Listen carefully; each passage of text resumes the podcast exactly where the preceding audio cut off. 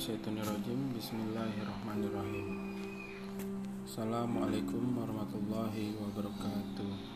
Ketemu lagi dengan saya Ustadz Mirza Duhud Kali ini kita akan membahas mengenai saat senang dan susah. Sesungguhnya manusia diciptakan bersifat keluh kesah lagi kikir Apabila ia ditimpa kesusahan, ia berkeluh kesah, dan apabila ia mendapatkan kebaikan, ia amat kikir. Surat Al-Ma'raj ayat 19 sampai dengan 21. Assalamualaikum warahmatullahi wabarakatuh. Sangat wajar apabila orang bergembira dengan jabatan tinggi yang didudukinya uang banyak yang dikantonginya, atau aneka kesuksesan hidup yang mengiringinya.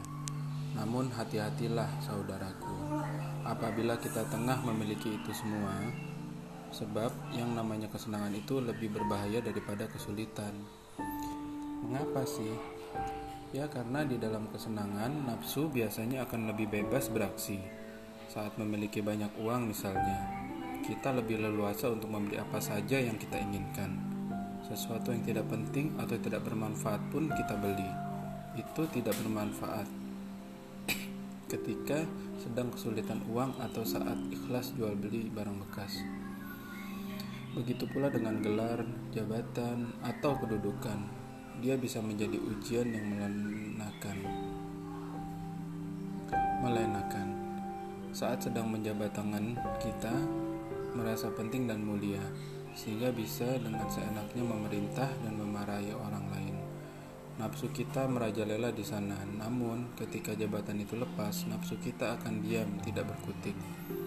Andai pun setelah tidak menjabat tangan kita masih suka mengatur dengan merasa penting, kita harus segera sadar. Sungguh manusia diciptakan bersifat suka mengeluh. Apabila ditimpa kesusahan, dia keluh kesah, dan apabila mendapat kebaikan atau harta, dia jadi kikir.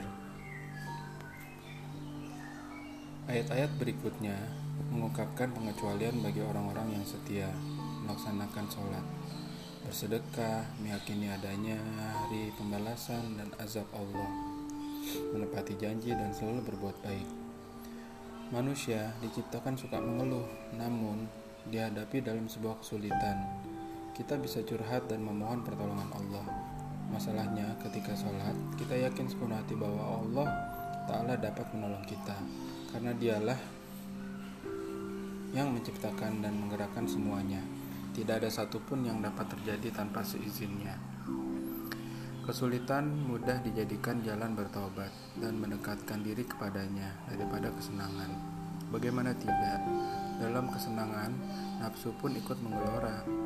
Ketika memperoleh pangkat dan jabatan atau harta, kita cenderung pelit dan lupa kepada zat maha pemberi apalagi terhadap sesama makhluknya yang semestinya kita berbagi. Kita akan beranggapan kalau semua itu merupakan hasil kerja keras sendiri. Kita perlu meragukan ucapan kita sendiri. Misalnya saat kita mengucapkan saya akan bersedekah, tapi kalau saya sudah memperoleh untung lebih banyak, apabila kemudian mendapat lebih nafsu, akan tetap merasa kurang.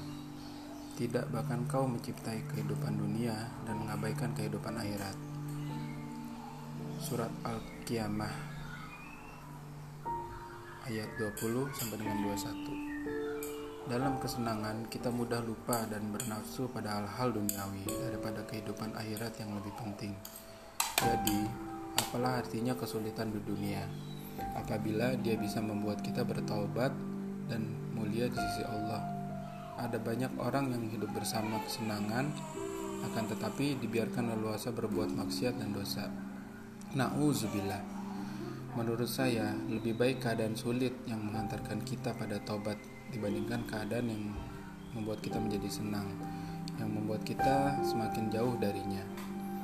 Hal ini tentu saja bukan berarti anjuran untuk mencari-cari kesulitan maupun kesusah, kesulitan untuk sekedar pencitraan. Kesulitan yang dimaksud adalah episode-episode kehidupan yang ditakdirkan Allah yang harus kita terima sambil bertaubat kepadanya. Yakinkan diri kita bahwa sesungguhnya bersama kesulitan ada kemudahan. Surat Al-Insyirah ayat 5 sampai dengan 6. Mari kita tetap berikhtiar dan berharap hanya kepada Allah Ta'ala oleh Kiai Haji Abdullah Gimnastia Agim. Iya. iya, iya. Alhamdulillahirobbilalamin.